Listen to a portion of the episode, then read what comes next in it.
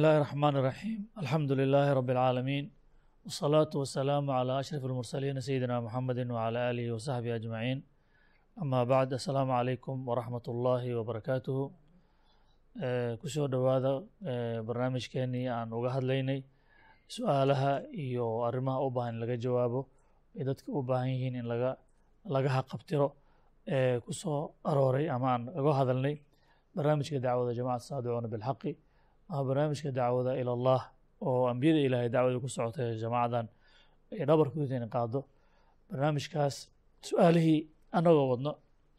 Waxaa suugna ugu dambeysay inaanu ka hadalnay qadiyad aada u xanuun badan. Aada u xanuun badan maadaama ay keensanaysa maaragtay ilaahay subxaana wa tacaala ee adduunyadan abuurtay ee noloshan iska lahaa inaa caddayna ma arkaysaa in dariiqiisa laga leexday. Dadkuna runtii wax badan xaqiiqadaas oo oo ambiyada ilahi u timid oo nabigeena maxamed sal alay slam u yimid in laga leexday in shirki oo ah khatarta ugu daran oo bini aadan soo asiibo. Ayaan ka soo hadalnay anwaacdiisa iyo qaybo kala yaallo. Waxaan soo tilmaana haddana in shirkigaasi maanta uu yahay shirki jiro oo ummaddii wax badan oo ka mida ay ku dhaceen. Arrintaas aad iyo aad u xanuun badana soo tilmaanay oo u baahan yacni muxuu ahay in la helo dawadeeda runtaa la helo.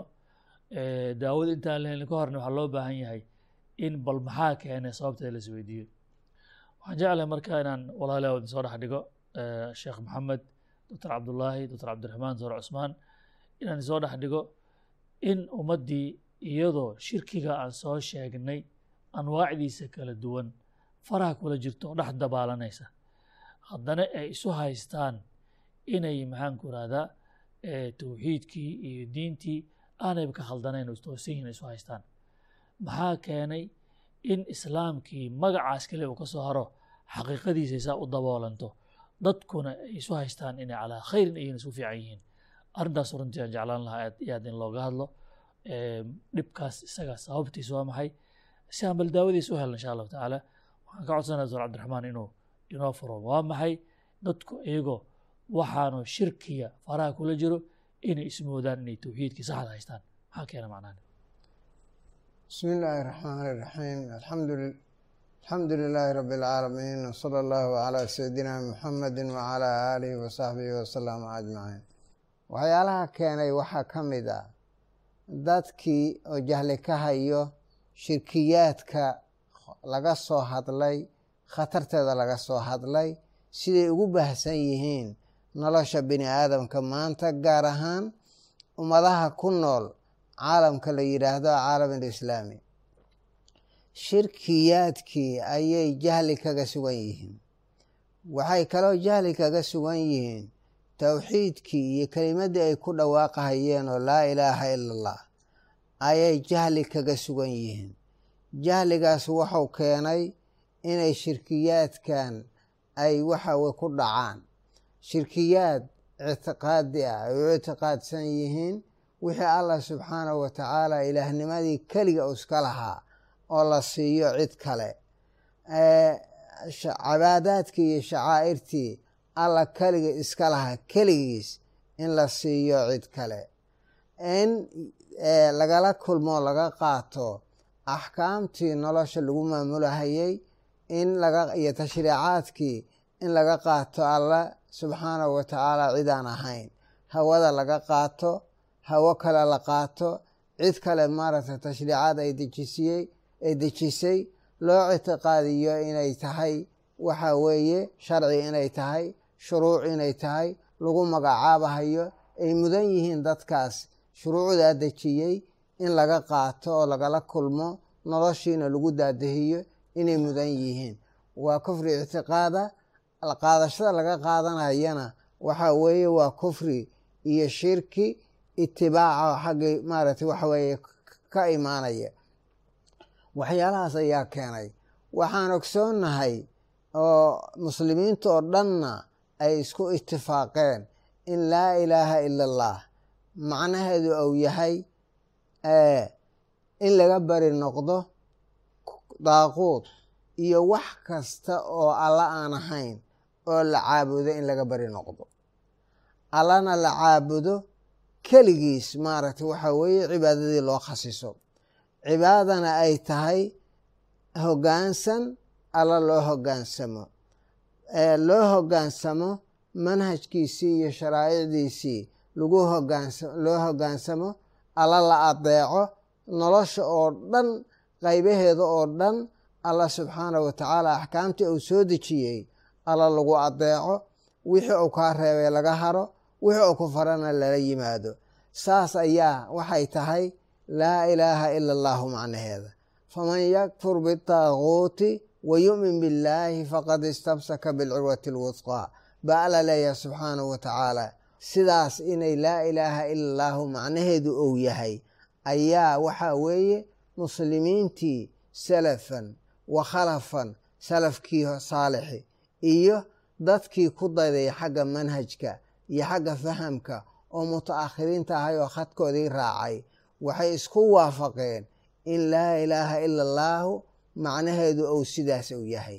Dadkii marka waxaa weeye maanta jooga wixii ay maaragtay waxa laa ilaaha ila allaahu madmuunkeedii laguma hayo. Wixii ay nafyinaysay ka hari maayaan.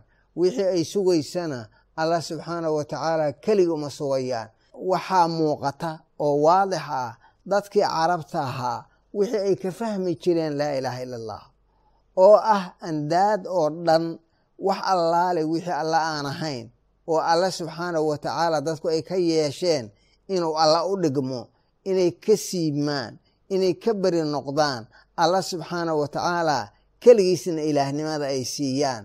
Wixii sidaas ahaa macnihii noocaas ahaa ayaa dadkii jaahil ka noqdeen oo dabool maaragtay ay ka daboolantay sidaas darteed shirkiyaadkan faraha badan ayay ku dhaceen. Waxaan ogsoognahay oo maanta noo joogo hortanada yaalla. Tashriicada la samaystay zina ayaa la xalaaleeyey khamre ayaa la xalaaleeyey waxaa la xalaaleeyey afcaashii ay samayn jireen. Xarimay. Oo dhan. Afcaashii qowmu luud ay samayn jireen.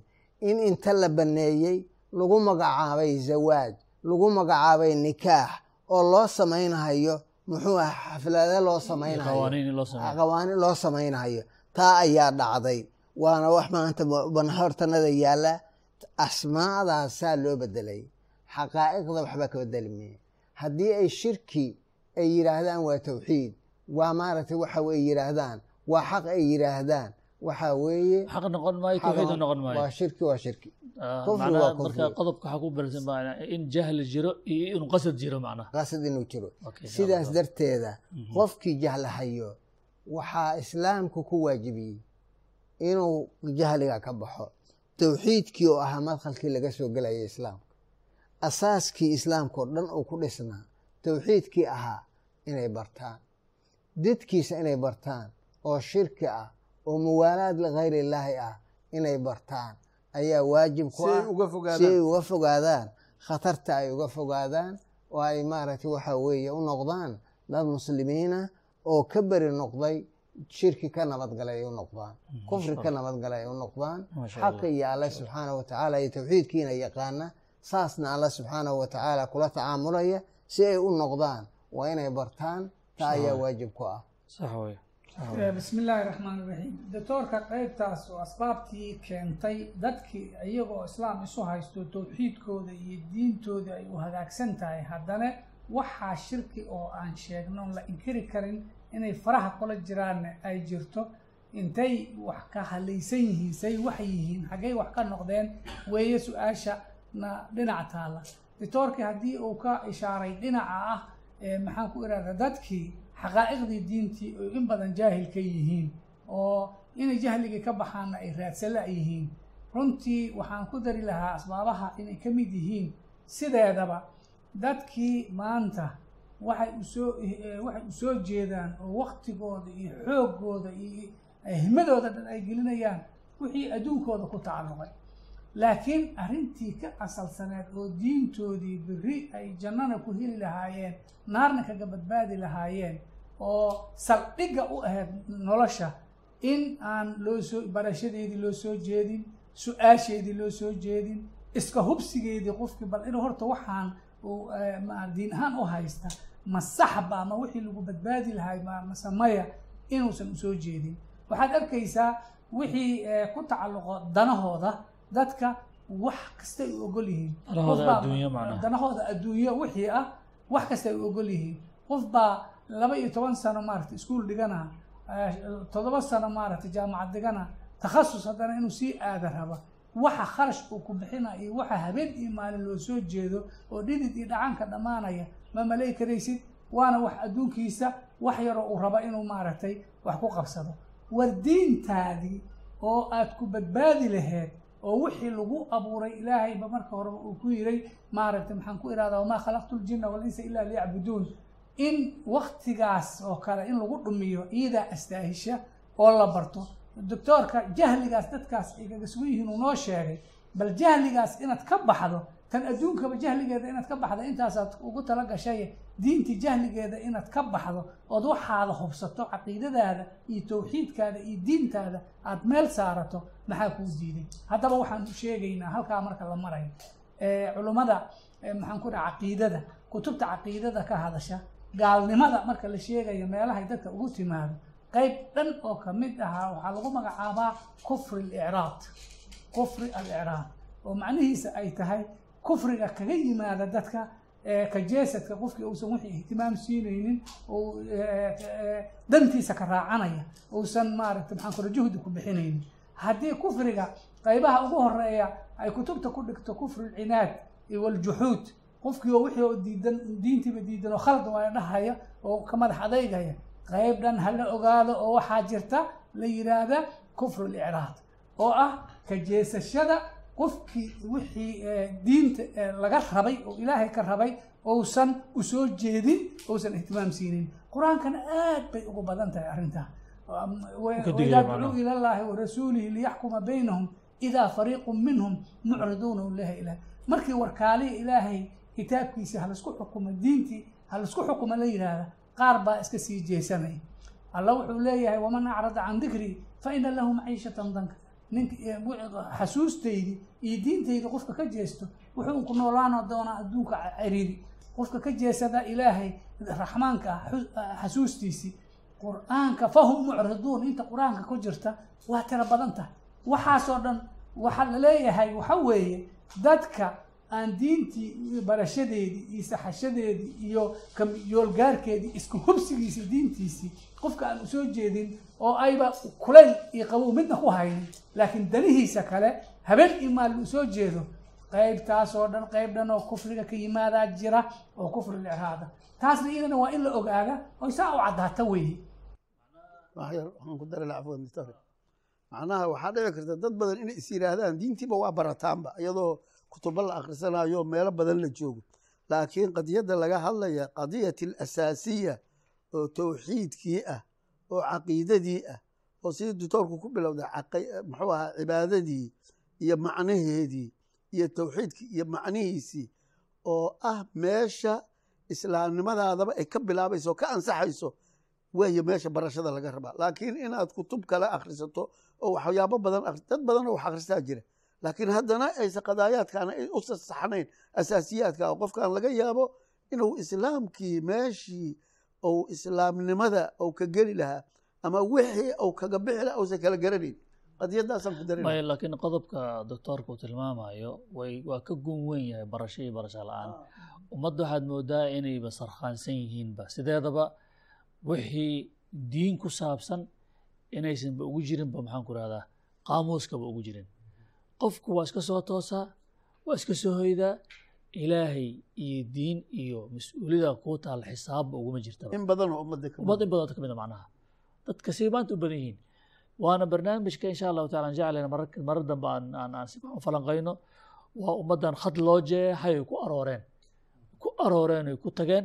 Waa maxay inaanu ilaahay noloshooda shaqo ku yeelan marka waxaa arkaysaa qofka maanta inuu beriis soo shaqeeyo wuxuu u ogol yahay yani afar labaatanka saac inuu ku bixiyo usa seexan macnaha waa nin ragoo geesiya beriiskiisa soo dhacsa leedaha macnaha laakiin inuu war maxaa ilaahay kaa rabay maxaa aakhirada isweydiiyo waxaa la yidhahda markaa waa ninkii soo hadal qaadinayo dadkii diintu madax martay sidaa arkayna hada hada asaabu hawas diiniya hata carabta xaggooda ka soo baxmaan hawas diiniya ku dhacay marka runtii arrin aad ficlan u ficlan way maartay yani haddaad adiga diintii aadanba dan ka lahayn oo xisaabtaada markii aad aad aad kalkulaaranayso ama- isku dib aad xisaabsanayso isku isku xiranayso oo diintuba kuu joogin yani eh, waxaan xusnayn ay kuu joogto kuu xusnayn in aad shirku ku dhacayso oo aad gaalnimo imaanayso wixii ilaahay kaa ku dhacayso waa wax maanta la sugaya maartay. Weliba doctor carlas wuxuu ka digay qodobka ah jeesadkaasa sidiisaba gaalnimo u ah. Sidiisaba gaalnimo gaalnimona waa keenay marka macnaa waa qodobkaas aad u muhiim ah islahay mataqaanaa bismi illahi raxmaan raxiim runtii waxyaalahaas dadka ku habsaday oo walaalaha ay ka soo sheekeeyeen waxaa kaloo soo raaca iyadana in dad badan oo caalam islaamka hadda ku nool ay u haystaan diintii laftigeeda inay tahay wax lagu abtirsado oo la iska dhexlo oo saa u fahamsan yihiin. Oo sida maaragtay aad aabayaasha ugu abtirsatoo kale in maadaama ummaddii nebi maxamed ka mid tahay inay tahay iyadana wax keliya aad ku abtirsato oo halkaas maaragtay aad ka dugsato. Laakiin islaamku saa ma aha runtii waxaa weeye islaamku waa dhaqan iyo noloshaada ka muuqda iyo tilmaamo. Maxaa yeele waa sifooyin qofka ilaahay subxaana watacaala diintiisa ugu sheegay oo la rabo. Qofka inay ka muuqato oo la odhan karo qofkaasna waa muslim. Maxaa yeele dhaqan islaam baa ka muuqda. Kaasna waa gaalo dhaqan gaalaa ka muuqda. Marka dad badan baa waxay u fahmeen in maadaama ay maarata ummaddii nebi maxamed ka mid yihiin qur'aankiina uu dhex yaallo inay besba intaas kaliya uga eg tahay wax noloshiisa la rabo in laga bedelo inaysan jirin. Inay ku dhasheen. Haa. Marka dhaxleen. subxaana watacaala wuxuu noo sheegay dadkii naga horreeyey oo ilaahay kitaabada u soo dejiyey in markii kitaabkooda ay ka tageen oo dhaqankiisa ay ka tageen in ilaahay subxaana watacaala loo cadeeyo oo la yidhi sida ilaahay bana subxaana watacaala nabigeena isagoo ku halqabsanaya qul yaa ahla alkitaabi lastum calaa shayin xataa tuqiimu altawraata waalinjiila wamaa unzila ilaykum min rabbikum. Inay tahay wixii ilaahay xaggiisa kaaga yimid ama ummadda nebi maxamed ha noqoto ama ummadihii hore ha noqoteen waxaa la rabaa ilaahay diintiisii xaggiisa kaaga timid dhaqankeedii iyo xayaatadii lagu maamulo iyo cibaadadii ilaahay la siiyo intaa inay kaa muuqataa la rabaa laakiin arrin dhaqantooye ah inaysan ahayn aayad kale ilahi subxana watacaala wuxuu ka fakhalafa min bacdihim khalfun warithuu lkitaaba ya'khuduuna carada hada aladna. Macnaha kitaabkii bay oo sax aha weliba ilaahi subxana watacaala wuxuu ku mahadsan yahay ummadda nebi maxamed kitaabkeedii oo sax ah oo alla u xifiyey baa dhex yaalla. Laakiin ahlu kitaabkii runtii kitaabkoodii waxyaalo badan la xarifay baa ku jiray. Laakiin maanta inaga qur'aankii waxaan dhex yaalla oo saxiix ah oo ilaahay noo ilaashay oo la rabaa marka inaan qaadanno oo ku dhaqanno oo nolosheenna lagu maamulo oo lagu maareeyo saasaa islaamnimo lagu noqonaya nebigeennana calayhi salaatu wasalaam wuu noo sheegay waxaan ku badbaadayno inay tahay kitaabkaas qur'aanka iyo sunnadiisa in lagu dhow nebiga calayhi salatu wasalaam xadiis saxiixa wuxuu ku yidhi abshiruu bishaaraysta faina hada alqur'aana طرفوه بيد الله وطرفوه بأيديكم فتمسكوا به لن تهلكوا ولن تضلوا بعده أبدا كتاب xagga ilaahay subxaana wa tacaala dhinaciisa dhinac ilahay baa xaggiisa ka jira dhinac kalena idinkaa haysta. Marka ku dhagaa marka ku dhagashadaas waxaa weeye ma ahan dhaxaltooye maaha waxaa la rabaa qof kasta oo mukalaf oo ilaahay xil saaray maanta jooga inuu ilaahay kitaabkiisa ku dhaqmo ilaahay ictiqaadiyo ictiqaadka saxa ah oo ilaahay subxana wa ah walaalaha ka soo sheekeynay horena aan uga soo sheekeynay towxiid saxa inaad la rumayso cibaadada inaad ilaahay subxaana wa tacaala aad siiso isaga iskale hor mudane noloshaadana iyo xayaatadaadana waxa lagu maamulo oo lagu maareeya inay noqdaan ilaahay shareecadiisa ha marka sideedaba wax dhaxaltooye la yidhaahda iyo nebi maxamed baan ummaddiisa ka tirsanahay inaysan jirin. Nebigaaba salawaatullahi wasalaamu caleyh isagoo nool oo xayi ah ayuu ummaddii u sheegay. Ummaddii qurayshu kaga soo bilaabay ilaa uu ku keenay gabadhiisii faatima binta rasuulillahi oo nebigu yihi salawaatullahi wasalaamu caleyhi yaa faatimata bintu maxamed saliinii min maali maa shi'ti maalkayga waxaa rabta iga weydiisu yidhi laakin laa ugni canki min allahi shay. Ilaahay agtiisa wax kaama tarayo haddii marka dhaxaltooyo iyo wax la iska dhaxlo iyo abtirsiye wax lagu dheefiyo faatima bintu maxamed baa wax ku dheefi lahay salawaatullahi wasalam caleyh halkaa marka waxaan ka garanaynaa in la rabo qof kasta oo muslima maalintii aad qaan gaartay oo mukallaf noqotay baa ilaahay waajibkan ku saaray oo la rabaa inaad ilaahay caabuddo oo si saxa u caabuddo laakiin aadan oranin bes waxaan ka tirsanahay ummaddaasu intaasaa igu filan. Aakhiro saa lagu badbaadi mayo dadkana waxaan u sheegaynaa qof walbo maanta fursad baad haysaa waa nooshahay war ilaahay subxaanahu watacaala maxamed iyo cali iyo faarax baa lagu yidhahdaa ku badbaadi mayside waxaad ku badbaadaysaa ilaahay kitaabkiisii iyo shareecada islaamka ahayd iyo wixii alla ku faray inaad ku dhaqanto oo ku noolaato oo saas inaad ilaahay subxana watacaala kula hortagto. Waxaan ku dari lahaa arrintaas. Horta waxaa eh, runtii laga hadlay arrimo aada u waaweyn oo ay muuqato in ay soo xirayso mowduucii khatarta ahaa oo asaabicdii tagtay laga hadlay oo ahaa shirkiga. Arrintaas waxaan rabaa inaan ku daro asbaabaha la sheegay in ay dadka ku bixi karaan. Waa asbaaba runtii aan daraasaynay oo aad yacni u muuqata oo qof walbana uu ka arkayo ugu yaraan shariixo ka mida bulshada inay ku sifowday sifadaas. Qaybo ka mida inay ku sifoobeen. Waxaa ka mida asbaabaha keenay in dadku ay halkan gaaraan oo shirkiyaadkaas khatarta iyagoo ku jiro haddana annahum calaa khayr inay yihiin ay isku haystaan sababta waa culummada wey culummada ayaa isku haysata. In fahamkaas khaldan ay dadkii ay ka haystaan diintii ilaahay iyo usuushiisii iyo towxiidkiisii culummadaa sabab u ah. Sababto ay tahay culummada way u jeedaan wadcigii waa ku nool yihiin waaqicii waa u jeedaan dadku sidaa la sheegay inay ku sugan yihiin waa u jeedaan. Haddana waxaa arkaysaa in dad badan oo ka mid ah ama culummadii qaybo badan oo ka mid ah inayna ka hadlaynin dadkan baahidoodii inaysan ka hadlaynin. War jahliyaa ku sugan tihiine? Diintii waxba kama taqaanaane? Towxiidkii ma haysataane? Shirkiyaad ku jirtaane? Ka baxa inaysan dhehaynin qadiyadda ugu daran taas wey haddana in taas la dhahaba iska dhahba waxaaba dhici kartaba. Ninkii yidhaahda in lagu kaco la yidhaahdo war maya dadkau rabaa inuu gaalaysiiyo xaggau rabaa inuu ka rido war dadkii maanta waxa ugu roon qof qofka dadku ugu roon waxaa weeye waa qofka waxa hadhow dhibka kuu keenaya kaaga diga. Culummada waxaa la rabaa hadday maantay ay dadka naxariis ay u hayaan diinta ilaahay ay garanayaan oo dadkiina in badan oo ka mida diintii ay dhinac marsan yihiin inay u sheegaan. Walidaalika waxaan arkaynaa inayna maantay waaqiceenna aan ku noolnahay haddii aan calaa mustawa soomaal aan niraahno ana ama calaa mustawa maa yusamaa bilcaalam alislaami caalamulislaami dadka lagu magacaabo.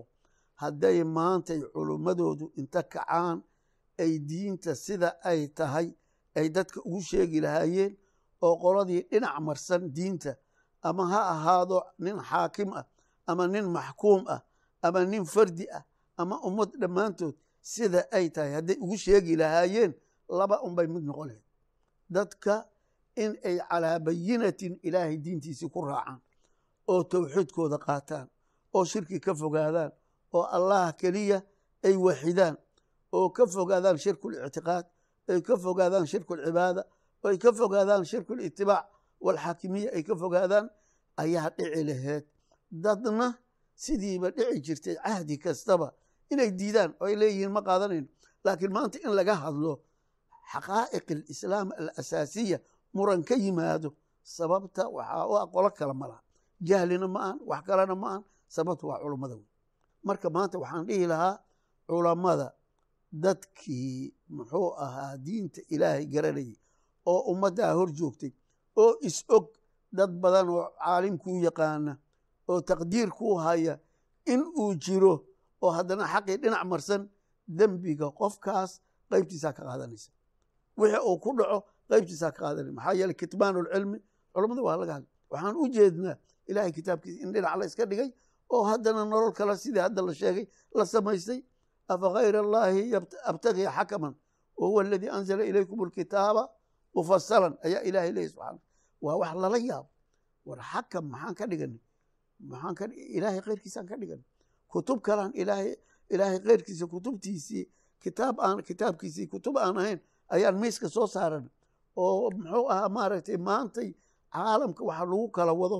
Waxaa weeye oo caalamul islaamiyaan ka hadlaynaa dadka muxuu ahaa maanta loo yaqaano waxaa lagu kala wadaa muxuu ahaa kutub iyo dasaatiir iyo jaardaro ilaahay wuxuusii kitaabkuu soo dejiyey ka fog taas waxaa weeye waa qolada ugu weyn. Qolada kale oo qoladaas naftooda runtii wardadaas gelisay ama dowr ku leh waxaa weeye waa nimanka calmaaniyiinta ah oo ayagu markii horeba yacni in ilaahay diintiisii in ilaahay diintiisii subxaanahu wa tacaala wixii ka soo haray shacaa'ir iyo kelimaad yaryar wixii ka soo haray in nolosha laga saaro dhinac laga dhigo. Oo bulshadii saas loo baro oo sidaasaad muslimiin ku tihiin la yidhaahdo oo ay helaan marka qayb culummadii ka mid a oo ku saaniday arrintaas. Ya. Ku taageertay? Ay helaan. Ayaguna waxaa weeye waa qolada labaad oo ismiga iyo jariimada qeybta ugu weyn qaatay naftooda. Marka waxaan dhihi lahay akhiiran uu ku soo gabagabayn lahay maantay waxaa loo baahan yahay qof walbo oo fursad haysto oo caalim ah oo diinta ilaahay wax ka fahmay oo towxiidkii fahmay oo caqiidadii fahmay oo maxaa shirkiga maxuu qeybihiisu maxay yihiin kufri muxuu yahay fahmay inuu dadka xaqa u sheego. Xaqa inuu dadka u sheego oo uusan maaragtay dadku yay ku nicin. Muxuu aha dowladdu yayna ka hor imaanin qoladaanu yayna ku yaawna isdhihin ilaahay subxaanahu watacaala inuu rilo geliyo oo uusan wax kala fiirin oo aakhiradiisa fiirso oo kitmaanulcilmi inta aayad ka hadashay waxaa weeye qur'aanka aad bay ugu badan tahay. Marka inuusan cilmigii qarin oo uu xaqiiqadii sheego. Dadka kalena waxaa laga rabaa oo ummadda maaragtay islaamkii maantay inay isku haysato oo ay ku toosan tahay haysatana ayagana kitaabka ilaahay inay bartaan caqiidadoodii bartaan towxiidkii bartaan shirkiyaadka meelaha uga imaan kara bartaan khatarta ku soo fool leh hadhow hadday ilaahay aakhara ay hortagaan allah subxaanahu watacaala khatarta ku soo fool leh inay maanta ka digitoonaadaan oo ka tabaabushaystaan. Jasaaka allahu khayran. Aada iyo aad baad u tawdixiseen oo bayaamiseen arrinta meesha taallo waxaan leenahay ummadda u tilmaamaynaa jahliga aada uga sugan tihiin qadyadan diinta ilahay uga sugan tihiin cudurdaar ku heli maysaan. Ilaahay diintiisoo cad oo kitaabkiisao idin dhex yaallo oo aydan raadsanin oo aydan baranin jahligaana idiin sababay inaad wixii tawxiidkaa garan weysaan wixii shirkigaa garan weysaan tawxiidkaa doonan weysaan shirkigana aad ku dhacdaan jahligaa cudurdaar idiin noqon maayo. Marka labaadna inaad daysan ahaataan adduunyadan iska raacataan oo ilahay idin u soo jeesanin oo haddii ilaahay ku ran yahay aada mataqaanaa beriiska uu idinkagala weyn yahay ilahayna xiri la yeelataanne cudurdaar ku heli maysaan. Waxaa loo baahan yahay inaad soo jeesataanoo rabbigiina u soo noqotaan aan laysku maaweelinin beriis tacabkiisa la isku maaweelinin beriisku waa dhammaanaya waan laga dhimanaya laakiinse waxaan laga noolaanin lagana dhimanaynin oo cadaab ah oo daran oo caro ilaahay ah oo khatarah ayaa soo socoto. Waana waxaana dhaqaajinayo inaan qadiyada aan ka hadalno si kastay ahaataba maartay.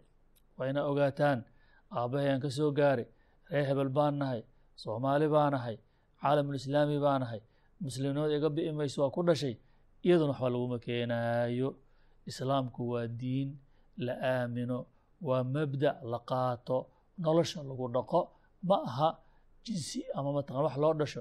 Reer hebel ma aha maarta ma aha taas yaan lagu khaldamin waa inaad diinta ilaahay aada doorataan oo mabdahan u qaadataana loo baahan yahay.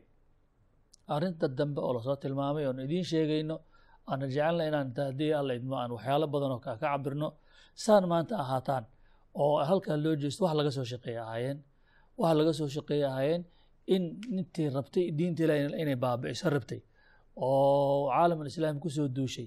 Sida maanta uu yaalla ka dhigtayo codadkaa cadadkaa kala gogoone macadba goonihiis loo cunaay ka dhigtay baa idinku tala gashay.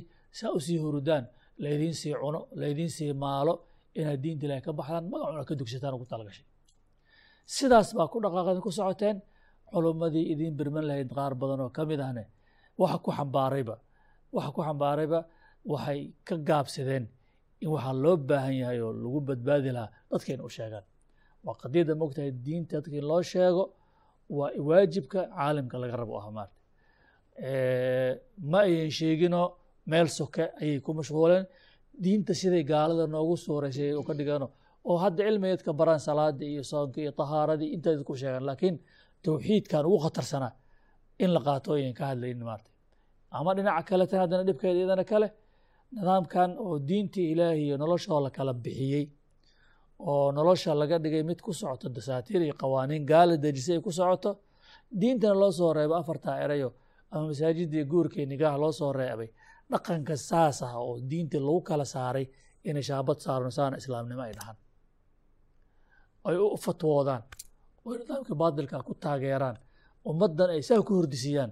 Waa dembi kalo khatarta hadale ma arkaysaa oon ugu baaqayno inay macnaha ilaahay ka cabsadaan oo waxa weeye kitaabka ilaahay waa cad yahay.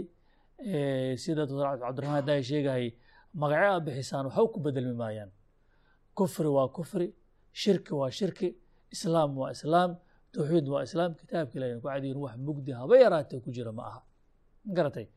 Marka in laysmadadaaliyo oo ama ha kugu xambaarto dhib aan ka cararaya ama ha kugu xambaarto siyaalo kaloo ismoodsiisa ma arkaysa waxba keeni mayse.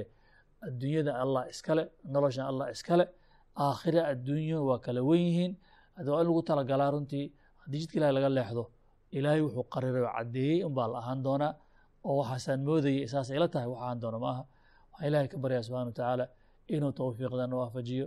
Dad soo noqda oo tawxiidkooda u soo noqdo intay nolol haystaan waxaa la yihahdaa waxaa nasiib leh waxaa nasiib leh ninkii dadkii man ictabara bigayrihi gayrkii ku cibro qaatay. Dadkii lumay oo hadda oo bani israa'iil oo ilaahay inooga digay nabigiisa inooga digay sal alay slam tubtii nabigu uu sheega lagu socdaa hadda inta la noolyahay fursaa la haystaa. In runtii laga soo noqdo oo xaqii la barto ayaa loo baahan yahay oo runtii aan la isku madadaalinin magaceeda beentahae layska dhaadhiciyey insha allahu tacala ilan kulada mawduucaad kale aan ka hadalno halkaasna caawa ku joojinaynaa هذا وبالله التوفيق السلام عليكم ورحمة الله وبركاته هذا بلاغ للناس ولينذروا به ولينذروا به وليعلموا أنما هو إله واحد وليذكر